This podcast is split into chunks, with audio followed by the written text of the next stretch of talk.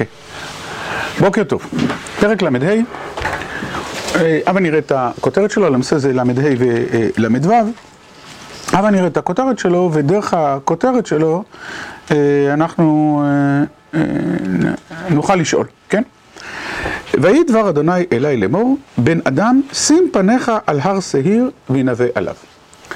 אם כן, שתי, שני עניינים מטרידים אותנו, לא מטרידים, שצריך לשים לב אליהם. אחד, בנבואת יחזקאל יש פנומן, שעוד מעט נכיר אותו, פרק ל"ו, ל"ז, שיחזקאל פונה להרים. פונה ל... ל... כבר קרה לפני כן? כן, בדיוק, בדיוק, אני אומר, בנבואת יחזקאל, לא רק פה. שיחזקאל פונה להוויה, כן? זה לא תופעה נדירה בתנ"ך, האזינו השמיים ואדברה ותשמע ארץ עם רפי, כן? שימו שמיים והאזיני ארץ כי השם דיבר, בנים גידלתי ורוממתי, כן? אמרנו הבוקר, הללויה, הללו את השם מן הארץ, תנינים וכל תאומות, ישוב ארד, שלג וקיטור, כלומר, התופעה הזאת שבה נביאים פונים אל הרים, או אל אברי בריאה, היא לא, היא לא תופעה נדירה, אבל בכל זאת צריך לשים לב על הריכוז העצום שיש אותה בנבואת יחזקאל, ולשאול למה. כמובן אפשר לטעון, אחת השאלות, אחת התשובות לשאלה למה, היא כי בני אדם לא שומעים. נכון? כלומר, נבואת יחזקאל אנחנו מדברים כל הזמן, אני מדבר, לא שבני אדם בגדול לא שומעים, בני אדם בתקופה הזאת של יחזקאל, אנחנו מדברים על זה כבר המון חודשים, אפשר להגיד כבר. יש אטימות, יש חוסר יכולת לשמוע, ולכן הפנייה היא אל, אל ההרים, ודרך המציאות ודרך ההרים יחזקאל מדבר, אבל נזכור לעצמנו את הנקודה הזאת, אוקיי? הנקודה השנייה היא, סליחה, היה קובץ נבואות כנגד העמים. נכון? כבר דיברנו קודם כל שתי נבואות ענקיות על צידון ועל מצרים, נכון? שלושה פרקים פה, שלושה פרקים פה, ועוד אה, הייתה נבואה מקדימה על עמון, אדום וכדומה וכדומה. מה, מה הנקודה? זאת אומרת, למה פתאום בולטת פה הנבואה המיוחדת על, אה, על שעיר? אני כרגע מציב את זה בתור שאלה. אני מאמין שבסוף שני הפרקים, פרק וחצי, שמדברים על הנבואה כנגד שעיר, תהיה לנו תשובה. כן? כלומר, למה פה אנחנו מוצאים איזושהי מציאות חריגה, לא מציאות, איזושהי חריגה. כן, מהקובץ נבואות כנגד העמים, שפתאום אנחנו עוד מעט מדברים על הר שעיר. עוד פעם על עשיו. יחד עם זאת, נזכיר שצריך פה שיעור כללי על היחס לעשיו. זאת אומרת, היחס לעשיו, היחס לאדום, הוא מאוד מאוד מאוד מורכב, אנחנו מדברים על זה מהתורה עצמה. מצד אחד, הוא בן דוד, נכון? זאת אומרת, טוב, תלוי מאיפה אתה עושה, הוא אח. כן, כלומר, זו נקודה אחת מאוד, מאוד בסיסי, כן? הוא אח, הוא תאום. זה מצד אחד.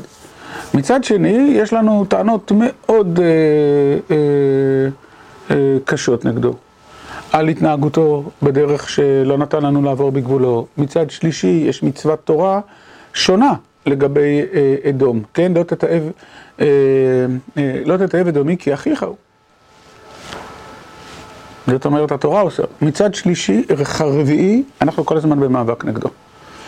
מצד חמישי, אם אתם זוכרים, כבר דיברנו על זה השנה, שיש לנו טענה ספציפית נגד אדום.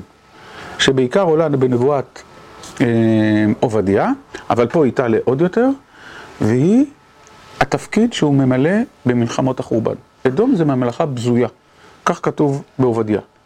הם בדרום הרחוק, הרחוק, הרחוק, אין להם אוצרות טבע, אין להם זה, מה הם עושים בעצם אדום? סלש עמלק, שוד בדרכים. שוד בדרכים, מזה מתפרנסים. שוד בדרכים, שליטה על המעברים, מכס, ומה התפקיד שלהם אם כן במלחמה, אם הם כאלה בזויים, עלובים מבחינת הממלכה, מה התפקיד שלהם במלחמה? כוח גרילה. כוח? כוח גרילה. גרילה, אפילו יותר בזוי מזה. אפילו יותר בזוי מזה. עובדיה, ותכף נראה את זה גם ביחזקאל, התפקיד שלה במלחמה זה להסגיר את הפליטים, את האזרחים, את כל אלה שברחו מהמערכה העיקרית, להסגיר אותם חזרה לאויב. כך כתוב בעובדיה, תכף נראה את זה גם פה. שזה הדבר הכי בזוי שיש. כמובן, ברגע שמסגרים, אז או ש... הם מתפרנסים מסחר בעבדים, אם אפשר לקרוא לזה כך. או שהורגים את המוסגרים, או שמוכרים אותם לעבדים, לשפחות, לזנות, ל... כמו שאנחנו יודעים שקורה בתקופת התנ"ך וגם אחרי תקופת התנ"ך. זאת אומרת, הטענות כנגד אדום הן מאוד מורכבות. אח, דוד, אסור לתעב אותו, מאבקים מתמידים ותחושת מאוד קשה נגדו. בואו נראה את זה בפנים. ויהי פרק ל"ה. ויהי דבר אדוני אלי לאמור, בן אדם, שים פניך על הר שעיר וינבא עליו. ואמרת ואמרת לו, כה אמר אדוני אלוהים, הנני אליך הר שעיר, ונטיתי ידי עליך ונתתיך שממה ומשמה. עריך חורבה אשים, ואתה שממה תהיה, וידעת כי אני אדוני. למה? יען היות לך איבת עולם, ותגר את בני ישראל על ידי חרב בעת עידם, בעת עוון קץ. הנה, גם פה. הסגרת הפליטים. כן? ותגר הכוונה היא, אתה זה ש... כך מסבירים כל הפרשנים, כן? כלומר, אתה זה שמאיים בחרב ביום עידם, כן? ב- ביום הנפילה שלהם, ביום בושתם של ישראל, ביום שהם הוכו על ידי, במקרה שלנו, המעצמה הבבלית, ואתה המסגיר. לכן חייאני נאום אדוני אלוהים, כי לדם אעשך ודם ירדופך. אם לא דם שנאת, ודם ירדופך. כלומר, אתה כביכול שונא דם. אתה לא משתתף במלחמה. אתה רק לוקח את החלשים. אגב, מפה, אחד הענפים של אדום זה עמלק. זו הטענה המרכזית נגד עמלק, אשר קרחה בדרך, ויזנב בך כל הנחשלים אחריך, ואתה עייף ויגע ולא ירא אלוהים. אנחנו תמיד מוצאים את העמלקים בתור, אה, אם הייתי מחפש את המקבילה הכי גדולה ליום, תנועות טרור. מה שאמרת, מלחמות גרילה, תנועות טרור, אבל המיוחד בתנועות טרור, שמי האויב שלהם? נגד מי הם נלחמים? הלוואי, אז זה מלחמה. אזרחים. מפוצצים אוטובוסים, יורים אה, מגדל התאומים. אה, אה, מטרת תנועות טרור היא בעצם, הם תנועות טרור במהותם יודעים, יודעות. עכשיו אני אומר משהו מקצועי בתחום הטרור. מה המטרה של תנועת טרור? ולתנועת טרור אין שום הווה מן לעצמה שהיא תצליח לשלוט, שהיא תצליח לנהל מלחמה, שהיא תצליח, זה, זה, זה בכלל לא, זה בכלל לא במצב הזה. המצב, מטרה של תנועת טרור היא להטיל אימה ופחד, שאתה לא יודע מאיפה זה בא לך. אתה לא יודע מאיפה הפיצוץ יבוא לך, אתה לא יודע מאיפה הירי יבוא לך, למוטט את החוסן הפנימי של, של, של האנשים. זאת, זאת הגדרת השיטה, שיטת הלחימה.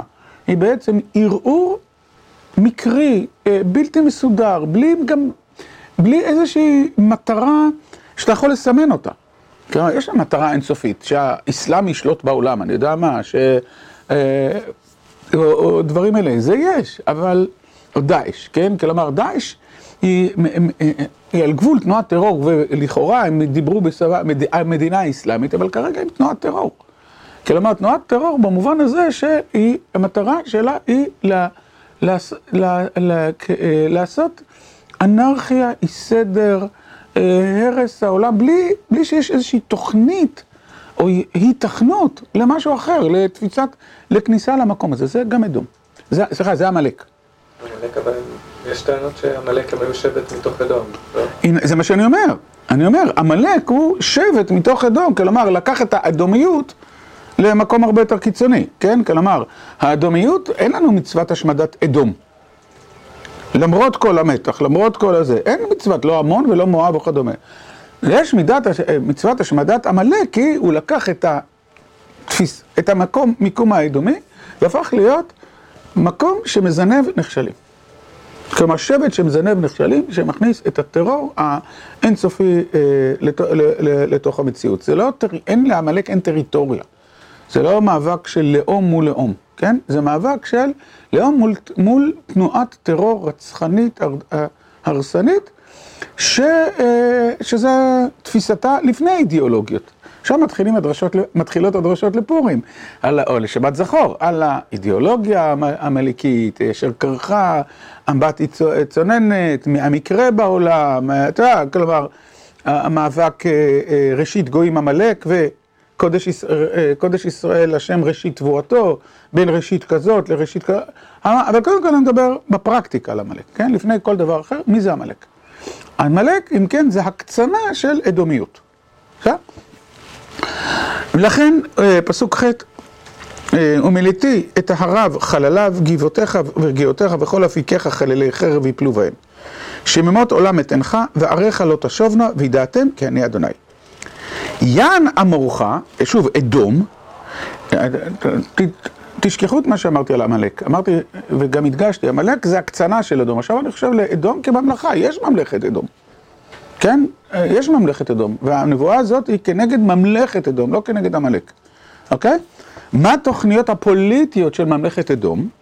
יען אמורך, את שני הגויים ואת שתי ארצות לי תהיינה וירשנוה.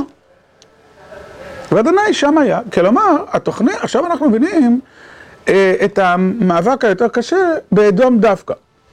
כי לאדום הייתה תוכנית, הם נמצאים אי שם בדרום הרחוק, בלי כלום, אבל התוכנית שלהם הייתה שכאשר אה, מלך בבל יכבוש את כל המזרח התיכון וישמיד את ממלכת ישראל, אז שתי מדינות לעם אחד.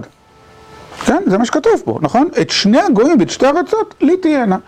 כלומר, אנחנו נכרות ברית עם נבוכדנצר ונקומם את חורבותינו על בסיס חורבות ישראל. זאת, זאת התוכנית. והנביא מדגיש, והשם שם היה. לכן חי אני נאום אדוני אלוהים, ועשיתי כאפך וכקנאתך אשר עשית, משנאתך בם, ונודעתי בם כאשר אשפטיך, וידעת כי אני אדוני שמעתי את כל נאצותיך אשר אמרת על ערי ישראל לאמור, שממו לנו ניתנו לאוכלה, ותגדילו עלי בפיכם ועתרתם עלי דבריכם אני שמעתי, כה אמר אדוני אלוהים, כי שמוח כל הארץ שממה אעשה לך, כשמחתך לנחלת בית ישראל על אשר שממה כן אעשה לך, שממה תהיה הר שעיר וכל אדום כולה, וידעו כי אני אדוני. עכשיו אנחנו מתחילים להבין קודם כל את ההקשר של הנבואה, את כל. את כל, את הגיאופוליטיקה של הנבואה ואת התגובה הנבואית. עכשיו אנחנו מבינים, עם אדום יש לנו מתח שנים רבות, אבל הם אחינו. הם אחינו. זה בא לידי ביטוי כבר בתורה עצמה, גם במצוות התורה, שכחתי לציין את זה מקודם, שגם, לא, כן הזכרתי את זה, שבדרך של עם ישראל ממצרים לא כבשו את אדום, הקיפו את אדום, לא פגעו באדום, גם לאדום יש ירושה, כי ירושה לעשו נתתי את הר שעיר. כך כתוב. אבל לאדומים יש תפיסה אחרת לגמרי. יש להם, אה, לא, אה, אני לא, לא רוצה להשתמש במילה חזון, יש להם אסטרטגיה. האסטרטגיה שלהם היא, אנחנו רוצים לקום על חורבן ממלכת יהודה. זו האסטרטגיה. איך אנחנו עושים את הדבר הזה? א', קובעים שזאת האסטרטגיה שלנו, ב', כורתים ברית עם בבל, ג', מסגירים לבבל, מציעים לה את התפקיד שלנו בתור מסגירי הפליטים הבורחים, מה שמבחינת בבל אה, הוא מצוין, כי אה, צבא לא רוצה להתעסק עם זה. צבא לא, לא רוצה אה, אה, להתעסק עם זה, אז אנחנו נהיה השולטים בדרכים ונחזיר אה, אה, ונסגיר להם, לכם את הפליטים האלה, וכפי שאמרתי, הפליטים האלה, חלקם יהיו לחרב וחלקם יהיו לסחר עבדים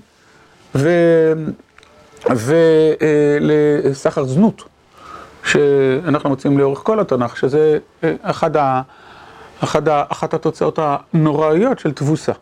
כן, עבדות וזנות, שבעצם אנחנו נמצאים באותו מקום, זה, זה התוצאות העצומות של תבוסה, זה אדום. אומר להם הנביא, אוקיי, כאשר זממתם לעשות לאחיכם, כן אעשה בכם. זאת אומרת, הוא מודיע להרי אדום, כל התוכנית הזאת לא תצא לפועל, כל, כל התוכנית הזאת לא תצליח, להפך מה שיקרה. מה שיקרה הוא שאתם, הערים האלה יחרבו, ממלכת אדום אה, תקועקע, ריבונו של עולם יקעים כבר, במידה מסוימת, זה לא בדיוק כתוב, אבל אולי זה נרמז שממלכת אה, אה, ישראל, כשהיא תקום, אה, או כממלכת יהודה, כשהיא תקום, אני לא בטוח שזה כתוב,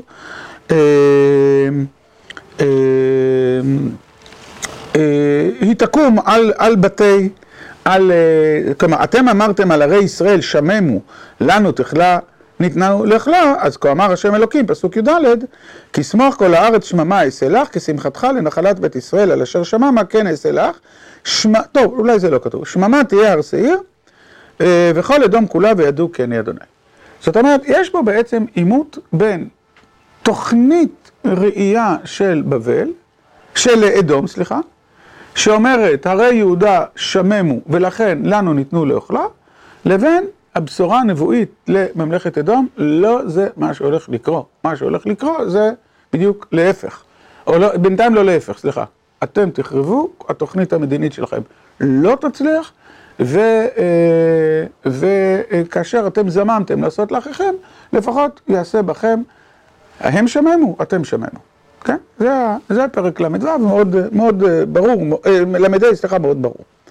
אבל אנחנו ממשיכים לדבר על אדום, כן? אנחנו ממשיכים, ממשיכים לדבר על אדום. ואתה ונדב, הנבא אל ערי ישראל, ואמרת ערי ישראל שימו דבר אדוני. מיד נראה ששתי הנבואות האלה קשורות. זאת אומרת, מנבואה על הרי אדום, עובר עכשיו הנביא לדבר על ערי ישראל. כה אמר אדוני אלוהים, יען אמר האויב עליכם האח, ובמות עולם למורשה הייתה לנו. לכן ינבא ואמרת, כה אמר אדוני אלוהים, יען ביען שמות ושעוף, אתכם מסביב להיותכם מורשה לשארית הגויים, ותעלו על שפת לשון, לשון ודיבת עם.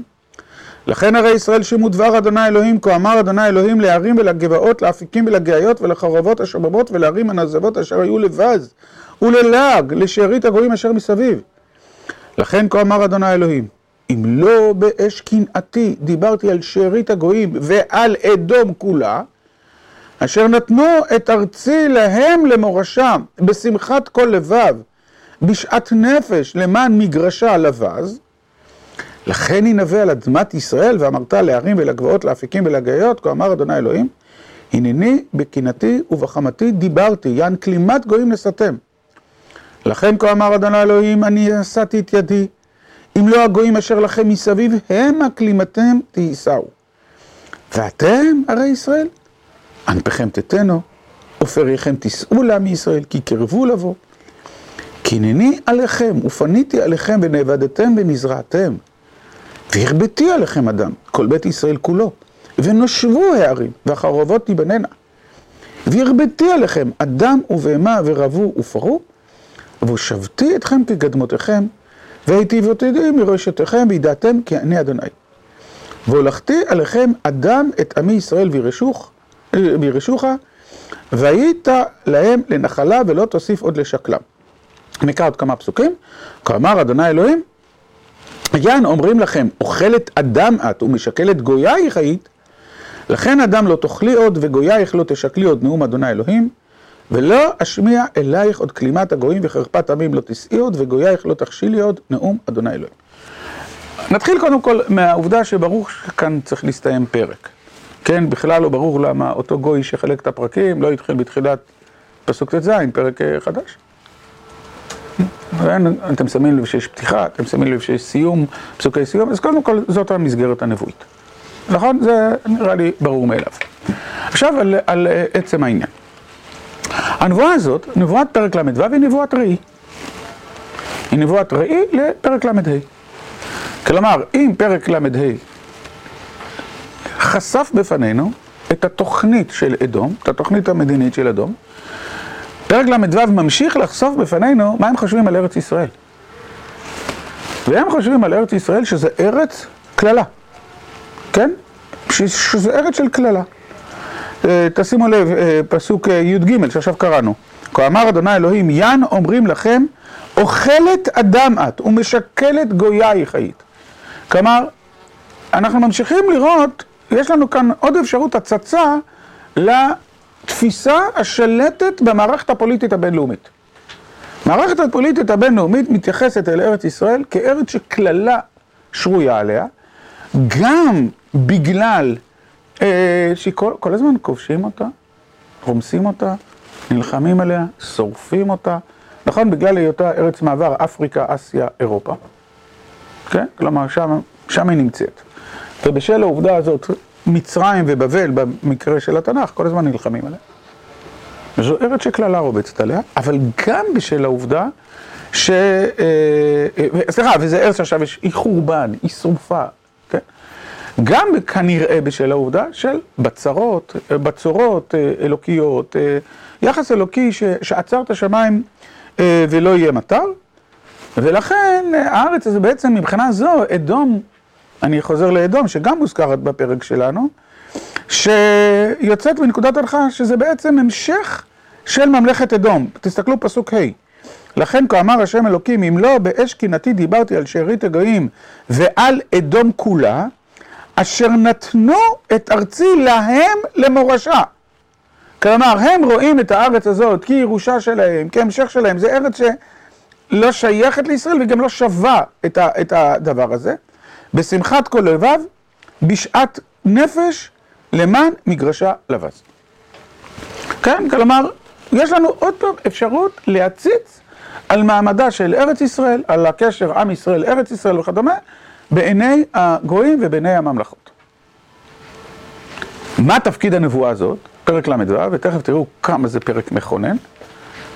תפקיד הנבואה הזאת הוא להגיד, ריבונו של עולם, הרי זאת בשורת יחזקאל, משנה, מזיז את הספינה הכבדה הזאת, והולך להפוך את ארץ ישראל לבדיוק משהו הפוך. לארץ פוריה, לארץ אה, מרוממת, לארץ, ואתם הרי ישראל, ענפיכם תתנו ופריכם תישאו לעמי ישראל, כי קרבו לבוא. זאת אומרת, הארץ הזאת תפסיק להיות ארץ שממה, הארץ הזאת תפסיק להיות ארץ נכבשת, ארץ חריבה, ארץ... להפך. הדבר הראשון שיקרה בארץ הזאת זה שהעצים ייתנו פרי.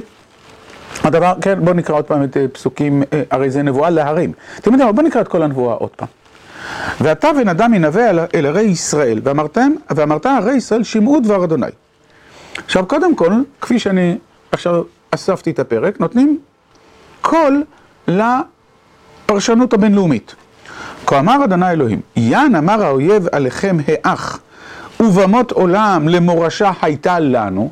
כלומר, ארץ ישראל סיימה את תפקידה מבחינת, אה, אה, מבחינת עם ישראל, כן? אלא היא הולכת להיות המורשה שלנו.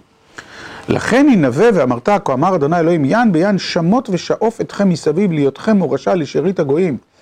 ותעלו על שפת לשון ודיבת עם, לכן הרי ישראל, שוב, שמעו דבר השם אלוקים, כה אמר השם אלוקים להרים ולגבוהות, לאפקים ולגיות ולחרבות השבות ולהרים הנזבות אשר הוא לבז וללעג לשארית הגויים אשר מסביב. תחושה של ארץ שקללה רובצת עליה. לכן כה אמר השם אלוקים, אם לא באש קנאתי דיברתי על שארית הגויים ועל אדום כולה, אשר נתנו את ארצי להם למורשה, בשמחת כל לבב בשעת נפש למען מגרשה לבז, לבז, לכן ינבא אל אדמת ישראל ואמרת להרים ולגבעות ולאפיקים ולגיות, כה אמר אדוני אלוהים, הנני וקנאתי ובחמתי דיברתי. יען כלימת גויים נשאתם. מה הולך לקרות? לכן כה אמר אדוני אלוהים, אני נשאתי את ידי אם לא הגויים אשר לכם מסביב, הם הכלימתם יישאו. ואתם הרי ישראל, יקרה לכם משהו הפוך, לא חורבן, לא ירושה לאדום, להפך. ענפיכם תתנו ופריכם תישאו לעמי ישראל, כי קרבו לבוא. כי הנני עליכם ופניתי עליכם ונאבדתם ונזרעתם. והרביתי עליכם אדם כל בית ישראל כולו, ונושבו הערים והחרבות תיבננה. והרביתי עליכם אדם ובהמה ורבו ופרעו, כן, אתם שמים לב קודם כל, ראשיתה של הגאולה היא שיבת ארץ ישראל. להיות ארץ פוריה, להיות ארץ ישראל, לא שקללה רובצת עליה, אלא שמצמיחה אה, פירות, שמצמיחה בני אדם, שפרו ופרו, שרבו ופרו, והושבתי אתכם כקדמותיכם והיטיבותי מראשיתכם, וידעתם כי אני אדוני. זאת הבשורה הגדולה, וזה גם מסביר, קודם כל מבחינת יחזקאל, אה, את ה... אה, את עריכת ספר יחזקאל, למה זה נמצא פה? למה זה לא נמצא בנבואות כנגד הגויים? התשובה היא מאוד פשוטה. הנבואות כנגד הגויים זה על העוול והקושי שהם עשו לעם ישראל בעבר. אמרנו, בית דין של ההיסטוריה, הקדוש ברוך הוא אלוהי ההיסטוריה, ויש עכשיו משפט עמים על ההיסטוריה ועל מה שהם דיכאו וכדומה. הנבואות האלה זה לא הנושא שלהם. הנושא שלהם כרגע הוא לא העונש לאדום ולא זה, אלא הנושא שלהם הוא הארץ הזאת. מה הפרשנות של, אה, של מה שקורה בארץ הזאת? כאשר הפרשנות המואבית, כאילו, אם הייתי אומר, הנבואות כנגד מואב הם על ההווה, נגד אדום על ההווה. לא אלוהי ההיסטוריה, אלא על ההווה. וההווה הוא, האם הערים האלה, קודם כל, יש, יש פה שני ויכוחים. האם זה ארץ שקללה רובצת עליה, חורבן, שמע, משמע, או זה ארץ מופלאה? שתיים, האם היא שייכת לאדום או שייכת לישראל? ושני הדברים האלה מתחברים ביחד לדבר הזה. אז זה קודם כל הנבואה פה. אבל צריך לדעת שהחשיבות של הנבואה הזאת חורגת הרבה הרבה הרבה מעבר לזה. אם אנחנו שואלים, למה אנחנו אומרים בתפילה ראשית צמיחת גאולתנו על היום, זה בגלל הנבואה הזאת. זה מתחיל בנבואה הזאת. ירושלמי אומר על הנבואה הזאת, אמר רבי אבא, בזמן שארץ ישראל נותנת פירותיה, אין לך קץ מגולה מזה. אין, אנחנו, אתם כבר, אצלכם זה כבר מובן מאליו, על מה אנחנו צמחנו. כל סמינריון, כל שיעור, היה מתחיל בלקרוא מה כתבו תיירים שהיו פה במאה ה-16, ה-17, ה-18 וה-19. מה הם כתבו? מה מרק טוויין? מרק טוויין היה פה? מה הוא כתב?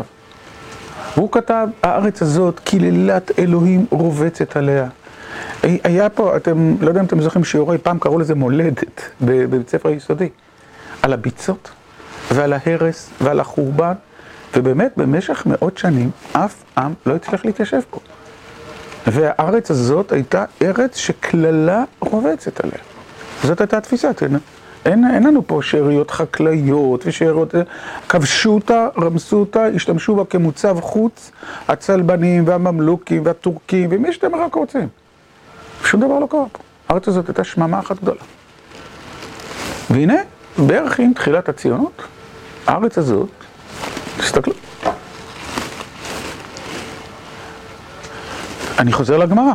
הגמרא משתמשת בפרק הזה לומר, ואתם הרי ישראל, ענפיכם תתנו ופריכם תישאו לעמו ישראל, כי קרבו לבוא, אין לך קץ מגולה מזה. כלומר, אם אתם רוצים לדעת מה הסימן הראשון של הקץ, הסימן הראשון של הקץ הוא ארץ ישראל הופכת מארץ של קללה לארץ חקלאית, נותנת פירותיה בשפע. תסתכלו. שתיים אגב, הסימן השני הוא פקקים באיילון. כן, כלומר, לעם ישראל כי קרבו לבוא. כן, זאת אומרת, חוזרים לארץ. אלה שני הסימנים המובהקים שכתובים בנבואה, והם היו, ה... הם האנרגיה הכי בסיסית להסתכלות על מה שאנחנו חיים בתוכו, בתור ראשית צמיחת גאולתנו. כלומר, הנבואה הזאת, על ידי חז"ל, על ידי רבי אבא, שאמר שאין לך קצי מגולה מזה, הפכה להיות מצפן לא רק לתקופת יחזקאל, אלא לסדר גודל התייחסותי הרבה הרבה יותר רחב וגדול. והוא לשאלה של ארץ מגיבה לעם. ארץ מגיבה לעם. כשעם לא פה, חורבן, שממה, רמוסה, אה, דברים שכתב הרמב"ן, הרמב"ן כתב על ארץ מגיבה לעם, אה, בפרשת בחוקותיי, בין הקללות כתוב ושממו עליה אויביכם. שממו עליה אויביכם. זאת אומרת, הרמב"ן, האמת היא גם מרש"י זה עולה, שזה ברכה שבקללות. כל עוד אתם לא פה, הארץ הזאת שממה. אתם חוזרים, הארץ הזאת פורחת. תסתכלו. לכן, זו, זו, זו דוגמה, זו אחת הדוגמאות לה, לנבואה שכתובה ביחזקאל, שמדברת על תקופת יחזקאל, שמציגה את העקרונות ואת היסודות של מהי ישועה, ואומרת, גאולה מתחילה משינוי הארץ, הרבה לפני, זאת אומרת, מתחילה משינוי הארץ, לאחר מכן קיבוץ גלויות, ולאחר מכן בחירות על, על אני יודע מה, על זהותה היהודית של המדינה. כן? אבל זה ה... זה, זה הסדר ש, ש, שזה נמצא, ולכן הנבואה הזאת כוננה, אם אני, מה הבסיס הגאולי של אה, ראיית מה שעובר עלינו כחלק מגאולה וחלק ממשיחיות, זה הנבואה הזאת. עוד יותר הנבואה הבאה, שנראה אותה בעזרת השם ביום ראשון, אה, שממשיכה עוד הלאה, וגם נותנת מענים להרבה מאוד שאלות שאנחנו שואלים את עצמנו. לכן אני טיפה הרחבתי בזה, אה, בנקודה הזאת, שמעבר לפרשנות של הפרק, צריך להבין את ההשלכה רבת המשמעות של הפרק הזאת בארץ חרבה מול ארץ פורחת, ולמי היא נענית. האם היא נענית לעדו, או נענית לישראל. וזה הדבר הכי הכי משמעותי שיכול להיות כמצפן לפענוח המציאות שבתוכה אנחנו חיים. אוקיי, שבוע הבא, בעזרת השם, נראה עוד יותר, קומות עוד יותר גבוהות, בדיוק של אותו עניין. בסדר?